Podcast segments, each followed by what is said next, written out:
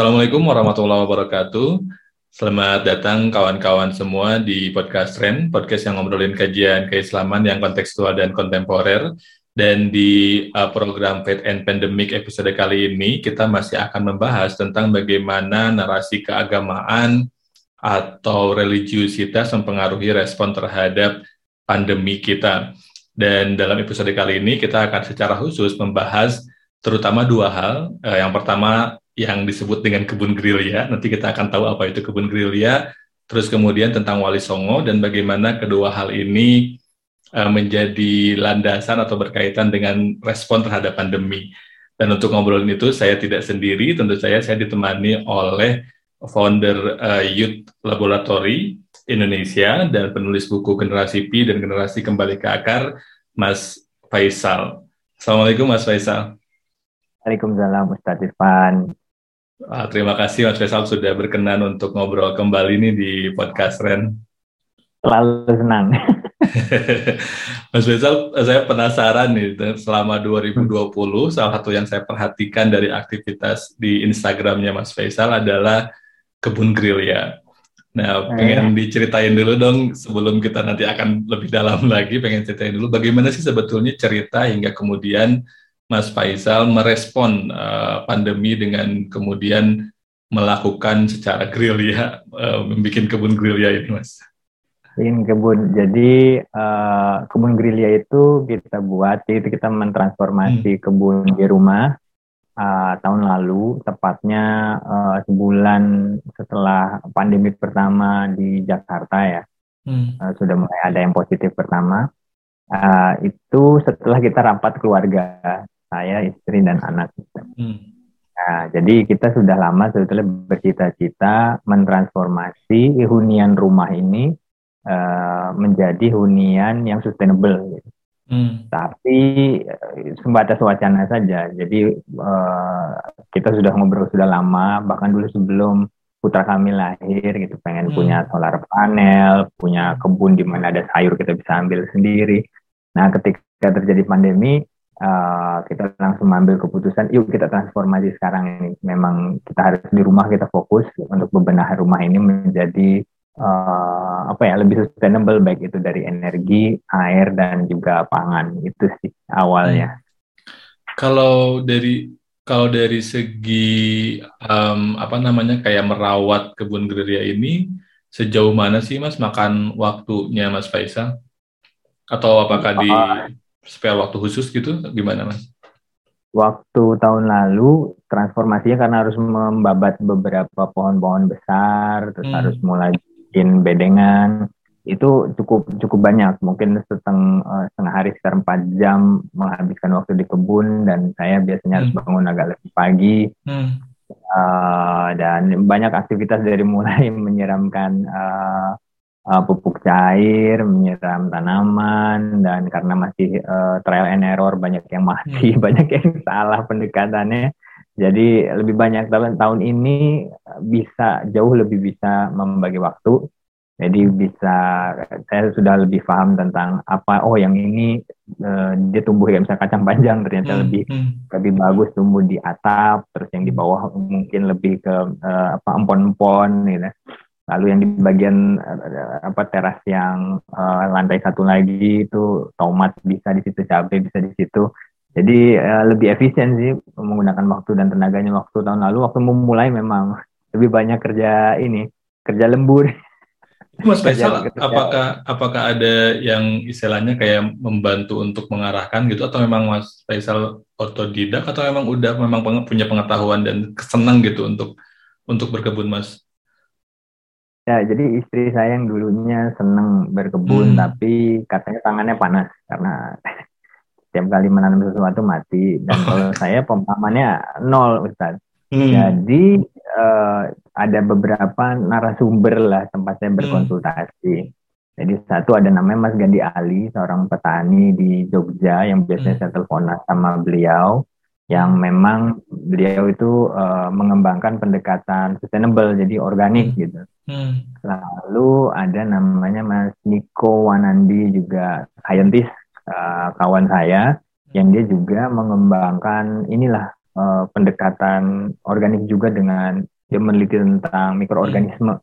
Hmm. Dan waktu itu sempat saya diajak berkunjung ke Kalimantan ya uh, untuk melihat namanya ada proyek katringan di sana di mana di tengah lahan gambut ternyata para apa namanya orang-orang di desa itu bisa berkebun di tengah lahan gambut yang sebetulnya mustahil hmm. ya hmm. dengan pendekatan organik gitu dan jadi ketika saya sudah berkunjung setahun sebelumnya saya yakin oh mereka aja bisa masa saya nggak bisa gitu walaupun hmm. dengan penuh tantangan di tengah ibu kota dengan cuacanya polusinya tanahnya lalu hmm. lahannya banyak batu dan sebagainya Hmm. Uh, akhirnya ya ketika udah mulai ada panen satu dua tiga itu ya kita udah yakin bisa nih sebetulnya gitu. Hmm. Nah kalau dari segi penamaan gerilya sendiri mas itu kenapa ada apakah ada filosofi atau alasan khusus enggak? Uh, sebetulnya ada ada beberapa referensi literasi hmm. uh, namanya gerilla gardening ya sebuah hmm. gerakan hmm. yang dimulai di Inggris. Uh, saya kebetulan lupa nama penulisnya dan itu dimulai di di tengah kota juga di mana hmm. uh, ada seseorang yang dia uh, dulu waktu kecil dia ingat betul bahwa ibunya selalu berkebun lalu uh, selalu mengambil hasil dari kebun lalu ketika dia tinggal di tengah kota ada banyak sekali lahan-lahan yang sebetulnya bisa digunakan untuk berkebun dan dia secara geril ya tanpa minta izin dia dinanam aja macam-macam di situ hmm. gitu. lalu masyarakat mulai mulai berkolaborasi untuk memelihara uh, hasil apa apa yang dia sudah tanam gitu. Jadi akhirnya saya pakai oh saya apa yang namanya kebunnya kebun gerilya aja. gitu. Kalau oke okay, saya kira kemarin itu ketika baca ke apa ketika um, mendengar istilah kebun gerilya itu mungkin kayak oh uh, mas kalau yang kadang-kadang kan ada orang yang dia berkebun di rumahnya tapi kemudian sangat mempertimbangkan kayak oh ini yang cantik tanaman ini nih gitu. Jadi kayak ngelihat uh, ini. Tapi kalau Mas Faisal saya ingat banget gitu ketika cerita oh ternyata padi tumbuh di sini padahal kemarin maunya tumbuhnya di sini tapi dia tumbuh di situ ya udah nggak apa-apa gitu. Apakah ya. itu gimana Mas? Wah, estetika kita nomor mungkin nomor tiga nomor empat deh. Lebih ke apa yang berhasil. Jadi hmm uh, awalnya itu kita oh, pokoknya harus ada yang ada yang jadi harus ada yang panen hmm. dan tumbuh hidup nggak mati hmm. so, awalnya kita jadi banyak proses pindah-pindah ini pindah nih cabut lagi dan sebagainya hmm.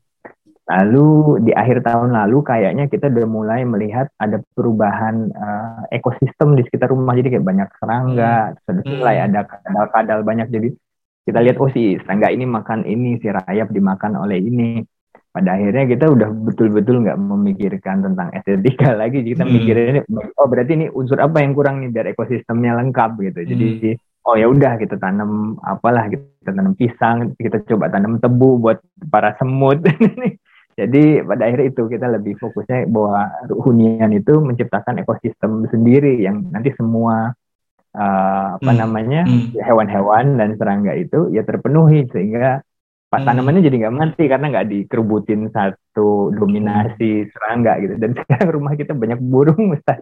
Wah, itu. Jadi tiap burung rame. Wah, itu pasti itu apa namanya kayak saya juga sebetulnya baru pindah pindah rumah uh, Mas dan agak di agak di bawah kaki Gunung Gede gitu. Jadi memang memang merasakan gitu uh, apa kayak enak banget gitu dengar suara burung. Padahal kalau yang di rumah sebelumnya masih di kampung juga padahal itu udah udah udah nggak terlalu seheboh dulu. Nah ini juga maksud saya penasaran soal ini soal kalau nggak salah Mas Pesa itu pernah juga cerita soal uh, um, apa ya kemungkinan bencana di masa depan gitu. Kalau nggak salah salah satunya itu yang tahun 2030 atau 2000 berapa gitu yang Mas Pesa cerita soal kelangkaan air. Uh, ya, ya. Nah, apakah apakah kebun gerilya juga sebagai bagian dari dari apa ya dari upaya untuk istilahnya tetap sustain gitu uh, hmm. jika itu terjadi, mas? Iya betul. Jadi uh, itu yang sering di, hmm. dibahas kan kajian tentang krisis air itu oleh teman-teman yang memang fokus ke kajian lingkungan hidup, itu hmm. gerakan hijau dan sebagainya. Tapi ini kayaknya nggak nggak menjadi sorotan berita-berita karena banyak berita yang lebih lebih he heboh dan eksotis dan, dan daripada berita tentang krisis air. Jadi krisis air itu nyata banget hmm. dan karena sudah terjadi sebetulnya Hmm. Dan kira-kira mungkin kalau hitungannya eh, studi dari PBB itu uh, mungkin sekitar lima tahun lagi ya air itu hanya bisa memenuhi kebutuhan 40% dari dari dunia gitu. Dan kalau ada petanya itu sebetulnya ada countdownnya dilakukan oleh sebuah uh, pusat kajian di Jerman hmm. dan itu bisa diakses kok. Itu ada hmm. ada diwarnai merah lah daerah-daerah yang nanti akan akan pertama merasakan krisis termasuk Jawa kalau Indonesia tuh hmm. di Pulau Jawa.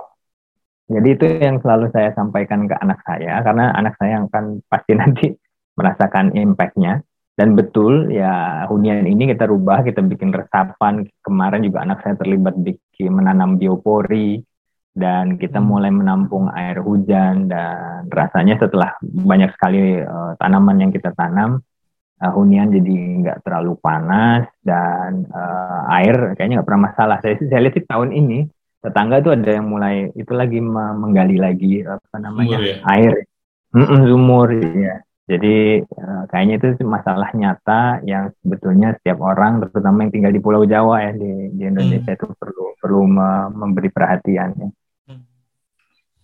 Aduh, ini Mas Faisal, ini enggak sih apa namanya kayak struggle gitu untuk untuk menjaga menjaga pola pola hidup Mas Faisal yang sekarang gitu. Kalau saya lihat kan kayak dengan kebun gerilya terus dengan Mas Faisal itu itu salah satu penulis yang menurut saya itu kayak concern untuk juga melaksanakan gagasan yang dia tulis gitu kan kadang-kadang hmm. ya nulis ya udah kita nulis kita bilang bahwa oh ini ada masalah nih gini tapi ya udah gitu secara gaya hidup secara apa nggak nggak berubah tapi kalau saya lihat Mas Faisal ini menulis tentang generasi kembali ke akar, kemudian mengupayakan narasi tersebut dan melaksanakan narasi tersebut gitu. Dan ini juga mungkin berhubungan gitu dengan cerita Mas Faisal soal soal kadang-kadang mahasiswa ngelihat dosen itu berdasarkan material yang dimiliki oleh si dosen itu, tapi bukan dari hmm. pengetahuan yang dimiliki oleh si dosen itu. Nah, saya jadi hmm. ini pasti pasti nggak mudah nih untuk mem, me, me, me, me, apa ya melaksanakan dan memaintain gaya hidup seperti itu. Kalau terus kalau misalkan boleh cerita nggak mas Esal gimana tuh? Susah kalau yang, yang pertama sih hmm. saya tidak berupaya membuktikan diri. Hmm. Uh, itu juga waktu kemarin soalnya ada ada teman yang bikin uh, apa namanya uh, disertasi lalu mewawancara saya tentang gaya hidup saya. Gitu. Hmm. Uh, apakah Mas Faisal walk the talk gitu, walk the talk gitu. Maksudnya gini, kan nulisnya tentang ini, terus Mas melakukan gini. Oh iya, itu terus uh, saya sih nggak pernah me me merencanakan untuk berhidup seperti ini gitu, seperti hmm. sekarang gitu. Tapi karena situasi, terus saya melihat loh, saya kan saya udah punya ilmu tentang ini, tentang sustainability dan udah saya ini gimana kalau kita coba aja gitu. Hmm. Jadi itu yang kita bicarakan di rumah kita berdiskusi dulu gitu eh bisa nggak ya kita oh bisa gitu jadi kita saling menguatkan satu sama lain hmm. nah uh, kayaknya banyak teman-teman pada akhirnya terutama penggiat gerakan hijau uh, gerakan berkebun permaculture itu yang pada akhirnya berteman juga sama saya follow saya juga hmm. mereka mengapresiasi karena saya melakukan itu di tengah kota gitu. Ah, itu. Nah, yang katanya mereka susah terus kita juga baru sadar itu. Oh gitu, ternyata susah ya gitu. gitu. Kita mau jalanin, jalanin aja gitu kan. Uh, jadi ya kita melakukan itu karena kita saling menguatkan aja satu sama lain sama kita benar-benar ini kacamata kuda Ustaz. Jadi hmm. uh, saya rasa semua jauh le jadi lebih mudah kalau kita nggak membandingkan sama yang lain. Hmm. Jadi kita benar-benar fokus aja. Jadi kalau ada masalah nih di di lahan hunian jadi kita fokus aja bertiga ini kita apain ya gitu jadi uh, kita emang dua tahun ini agak agak tidak terlalu memperhatikan apa sih yang dilakukan teman-teman atau hmm. orang lain gitu gitu udah fokus sama sama yang kita lakukan dan pada akhirnya ya terus oh jadi ya udah jadi ya terus ternyata oh ini banyak yang apresiasi kita juga hmm. terkejut juga hmm. gitu itu ada apakah ada pengaruh nggak Mas Faisal dari dari apa ya concern Mas Faisal juga terkait uh, para wali gitu uh, sehingga kemudian membentuk sikap mental yang seperti itu mas. Kayaknya kalau menurut saya kan eh, nggak uh, tahu sih tapi kelihatannya kan susah susah juga gitu kan. Ya susah juga gitu. Well, ya itu ini jadi memang ya kemarin juga ada teman-teman muda yang yang bertanya ke ke saya Mas Faisal gimana caranya seperti Mas Faisal akademisi hmm. yang berpikir secara positivistik tapi juga hmm. melibatkan banyak hal-hal yang sifatnya keruhanian gitu kan. Hmm. Hmm. Uh, saya pikir sebetulnya uh, apa namanya keduanya saling melengkapi. Jadi ketika ketika saya menjadi seorang saintis, saya tidak tidak perlu melepaskan keruhanian saya hmm. gitu karena hmm. ini juga dibutuhkan dalam banyak dimensi kehidupan dan kemampuan saya untuk berpikir jauh lebih tajam, lebih fokus dengan saya melibatkan keruhanian yang saya sering cerita juga ke anak-anak sekarang ya. Hmm. Kayak mahasiswa tirakat gitu kan itu yeah. kayak sesuatu yang udah jadi langka gitu di hmm. anak-anak hmm. sekarang gitu. Hmm. Jadi pun dalam berkebun saya tuh buka-buka ini juga kitab-kitab doa gitu. Oh. ini apa namanya? Ini mati ini, ini banyak hama gitu pasti kan dulu ada bacaan doa untuk yeah. menangkan lama. Yeah, yeah, yeah, yeah. Ternyata nemu. Dan kemarin saya juga di, di disuplai sama seorang kawan muda filolog yang dia baru menerjemahkan ada kitab lama itu tentang doa-doa uh, Wali Songo untuk berkebun. Hmm. Terus saya ingat Mas Faisal nih saya baru terjemahkan gitu. Saya lihat, oh ada ada doanya. Hmm terus saya coba wah betul ternyata jadi ini bayamnya jadi wow keluar semua jadi wow. itu dua dua hal yang yang tidak bertentangan apalagi sekarang banyak riset-riset yang misalnya mengatakan air bereaksi terhadap hmm. uh, emosi dan suara waktu saya ke Katingan ada satu alat itu yang saya ditunjukkan itu bisa mengeluarkan suara tanaman Ustadz Irfan. Hmm. Jadi jadi kalau misalnya tanaman dekat matahari dia mengeluarkan nada-nada dulu dulu dulu gitu. Hmm. Dan kalau kita dekat kita sentuh gitu. Jadi uh, sebetulnya ini doa dan tirakat dan apa yang sudah dilakukan para wali dulu saya yakin adalah teknologi yang belum terbukti saja secara sains hmm. positif gitu. Jadi jadi saya tidak pernah tinggalkan. Nah ini nih kata kunci yang juga menarik dari Mas Faisal teknologi bahwa dari kadang-kadang kita ngelihat teknologi itu sesuatu yang hadir di masa kini gara-gara modernitas Padahal sesungguhnya hmm. banyak teknologi dalam bentuk kearifan dan seterusnya yang kita anggap hmm. itu sesuatu yang kuno. Kalau dari hmm. perjalanan Mas Faisal meneliti ini, uh, apa sih kearifan gitu yang mungkin paling mudah diimplementasikan dari para wali, terutama dalam kondisi pandemi seperti sekarang untuk anak muda nih, Mas? Untuk anak muda, uh, kalau sekarang kan masalah utama itu adalah masalah mental health ya dan itu kayak uh. jadi ah. perbincangan semua orang kayaknya hmm, tiga hmm. tahun terakhir hmm. jadi anehnya ketika teknologi makin canggih terus semua makin mudah diakses terus malah banyak galaunya gitu Ustaz. itu kan hmm, aneh ya, bener, bener. terus semua kalau zaman dulu saya hiburan sedikit sih sebetulnya waktu saya SMP SMA sedikit sekali dan kalau mau dapat hiburan juga susah gitu kan kalau sekarang jauh lebih mudah malah tapi lebih mudah mental breakdown lah itu tanda petik hmm, hmm, hmm. Jadi uh, makanya saya saya sekarang mulai memberanikan diri untuk bicara tentang Wali Songo lagi dongeng-dongeng kisah mereka hmm. uh, yang sebetulnya banyak yang bisa kita ambil dari mereka bahwa uh, satu uh, kesendirian itu itu suatu hal yang yang mereka mereka apa ya embrace lah istilahnya hmm. Hmm. bukan sesuatu yang negatif gitu hmm. yang sekarang kalau anak muda merasa kesendirian gitu oh saya nggak punya teman gitu saya nggak ada yang merespon saya gitu. Terus mulai lagi ada ada FOMO juga ya? Ada FOMO gitu kan. Yeah, yeah. nah kalau dulu para wali malah mencari kesunyian itu untuk ber, bertafakur untuk menggali lagi tentang jati dirinya malah menemukan pemikiran-pemikiran hebat dari situ. Itu hal sederhana yang yang saya coba aplikasikan dan ini juga saya praktekkan bukan hanya untuk saya, untuk anak saya yang selama PPKM itu juga dia harus sendiri dan dia merasa, wah harus gimana nih itu? Dan dia bereaksi sangat radikal di rumah karena dia melihat teman-temannya. Ada yang beralih ke game online hampir sampai tengah malam gitu kan. Ada yang tetap keluar rumah bermain berkumpul. Dengan saya diminta ayah saya dan ibu saya untuk tetap di rumah ini negatif sekali lalu kita beri pengertian oh ini tidak negatif ini sebuah proses uh, malah untuk membuat kamu menjadi menemukan diri kamu sendiri gitu. hmm. berarti jangan-jangan pandemi ini adalah kondisi eksternal yang dalam tanda kutip memaksa kita untuk bertirakat gitu ya mas ya kalau dari perspektif seperti itu mal, uh, kemarin saya baru mendengar kajian dari hmm. sejarawan Keraton Kanoman Cirebon ya, hmm. uh, Kang Farid Farihin gitu. Dan dia banyak bercerita tentang kisah-kisah Black Plague gitu kan, hmm. uh, pandemi di di abad uh, 14, 15, hmm. lalu di awal abad 20 dan memang iya, jadi dulu para wali dan keturunan dari para wali itu ketika pandemi, mereka langsung kayak ada switch, ini aja yang nge-switch langsung ke hmm. dunia dirakat. Hmm. Dan bahkan uh, dalam catatan sejarah ketika Spanish flu itu sampai pemerintah kolonial berkonsultasi ke hmm. para kiai oh, di buntut itu gimana, di gimana caranya, lalu ditirakatin dan setelah itu pandemi hilang dengan sendirinya. Jadi itu mungkin ya. Saya lihat kan sekarang kita sangat-sangat bergantung kepada sebab-sebab material ya.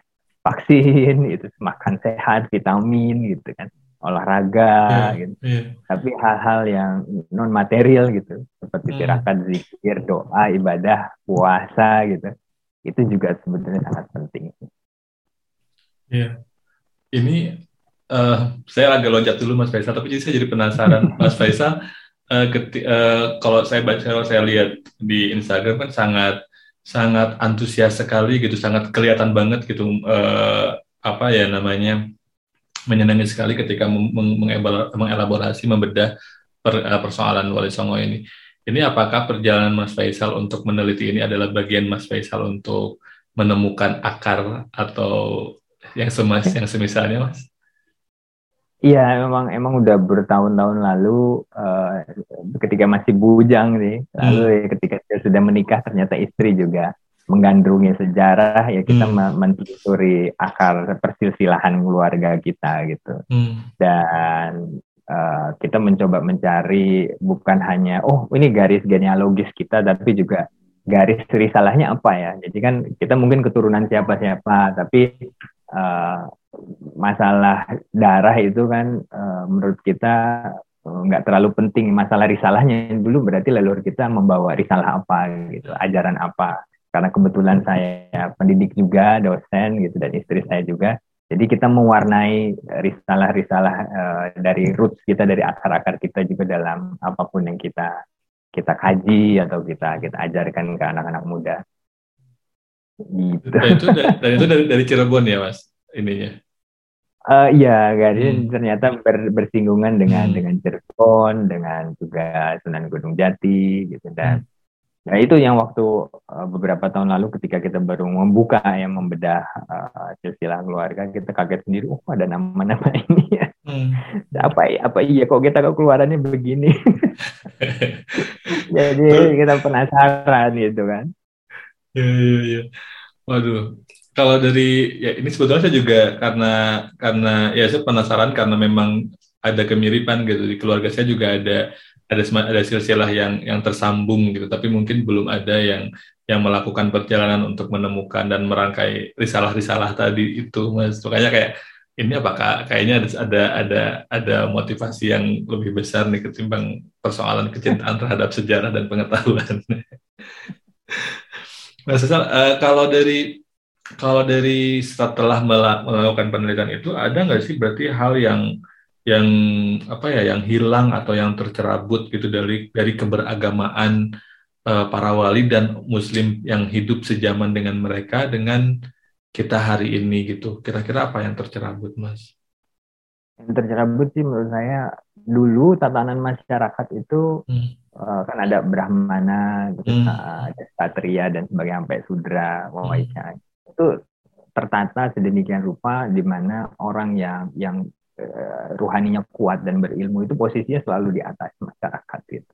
Hmm. Di Nusantara selalu seperti itu dan kayaknya almarhum Pak Agus Nyoto selalu bercerita tentang itu. Hmm. Makanya para sunan kan begitu dihormati dan dijadikan referensi ilmu dalam hmm. berbagai spektrum permasalahan gitu. Hmm. Nah, sekarang kebalikannya jadi uh, terutama bagi anak muda yang terlihat memiliki banyak sekali materi gitu kan hmm. terlihat memiliki banyak follower gitu itu malah yang menjadi rujukan untuk banyak permasalahan hidup yeah. bahkan ketika covid pun pada akhirnya misalnya uh, solusinya gimana nanya ke ke ke para influencer nih gitu Nah itu sih jadi hmm. uh, itu yang kayak perlu kita restorasi demikian rupa bagaimana caranya uh, agar orang yang berilmu, orang yang memang memiliki hmm. kebersihan hati dan mereka hmm. uh, bertirakat gitu kan, itu kita jadikan tempatkan pada tempatnya gitu.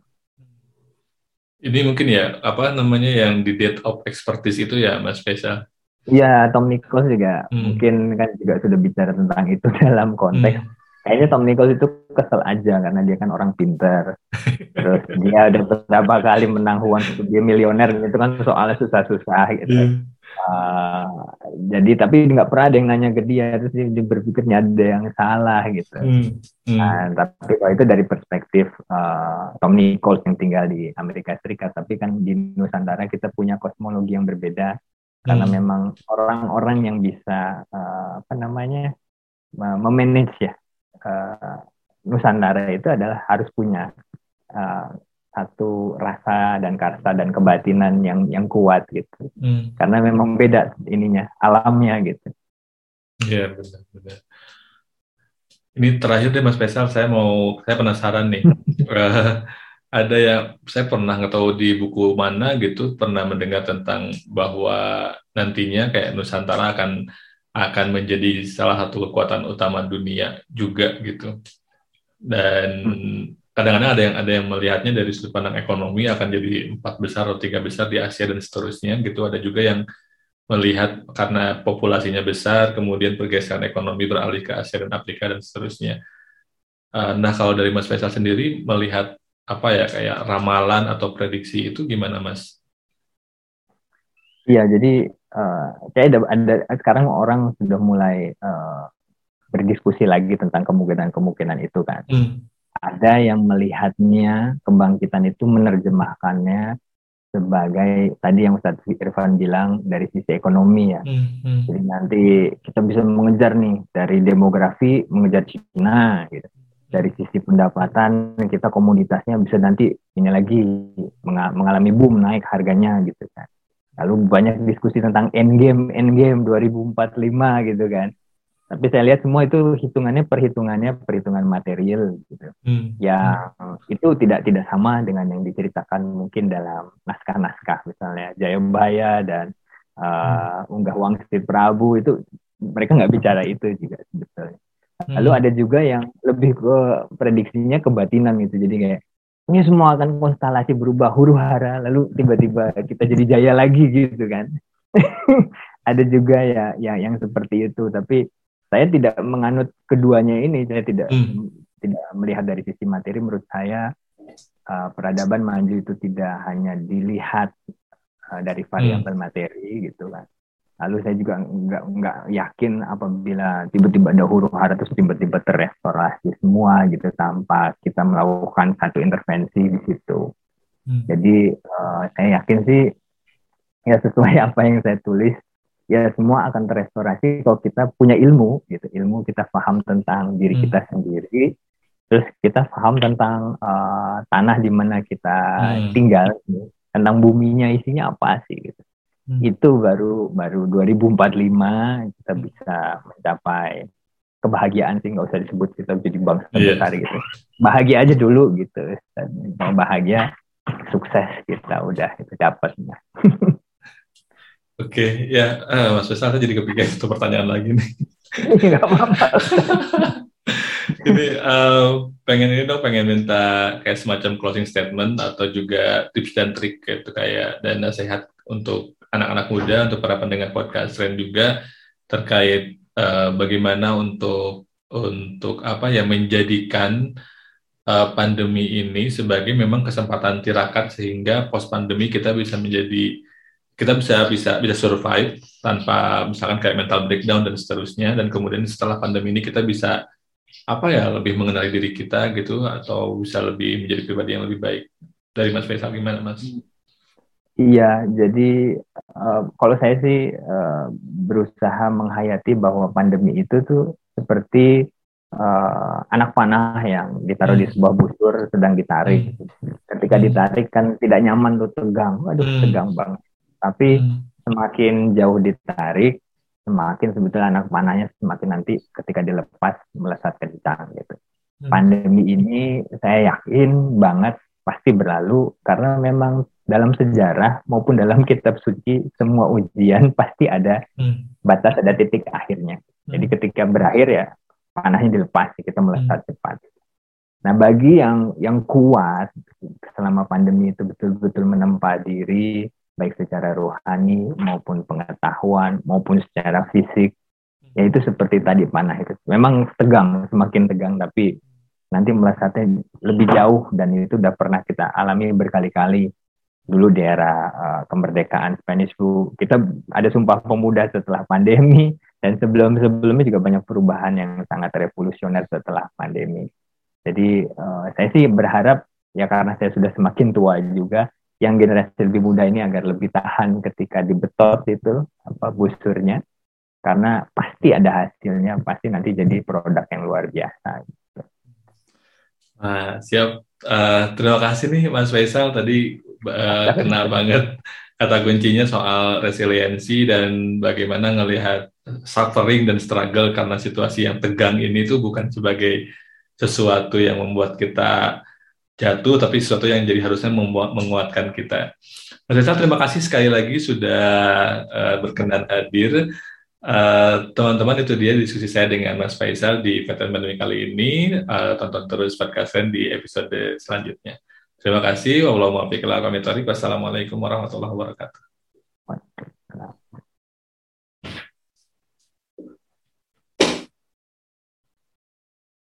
Terima kasih sudah mendengarkan atau menonton program Fate and Pandemic. Program ini didukung penuh oleh pemerintah Australia melalui skema hibah alumni Australia atau Australian Alumni Grant Scheme yang diadministrasikan oleh Australia Awards di Indonesia.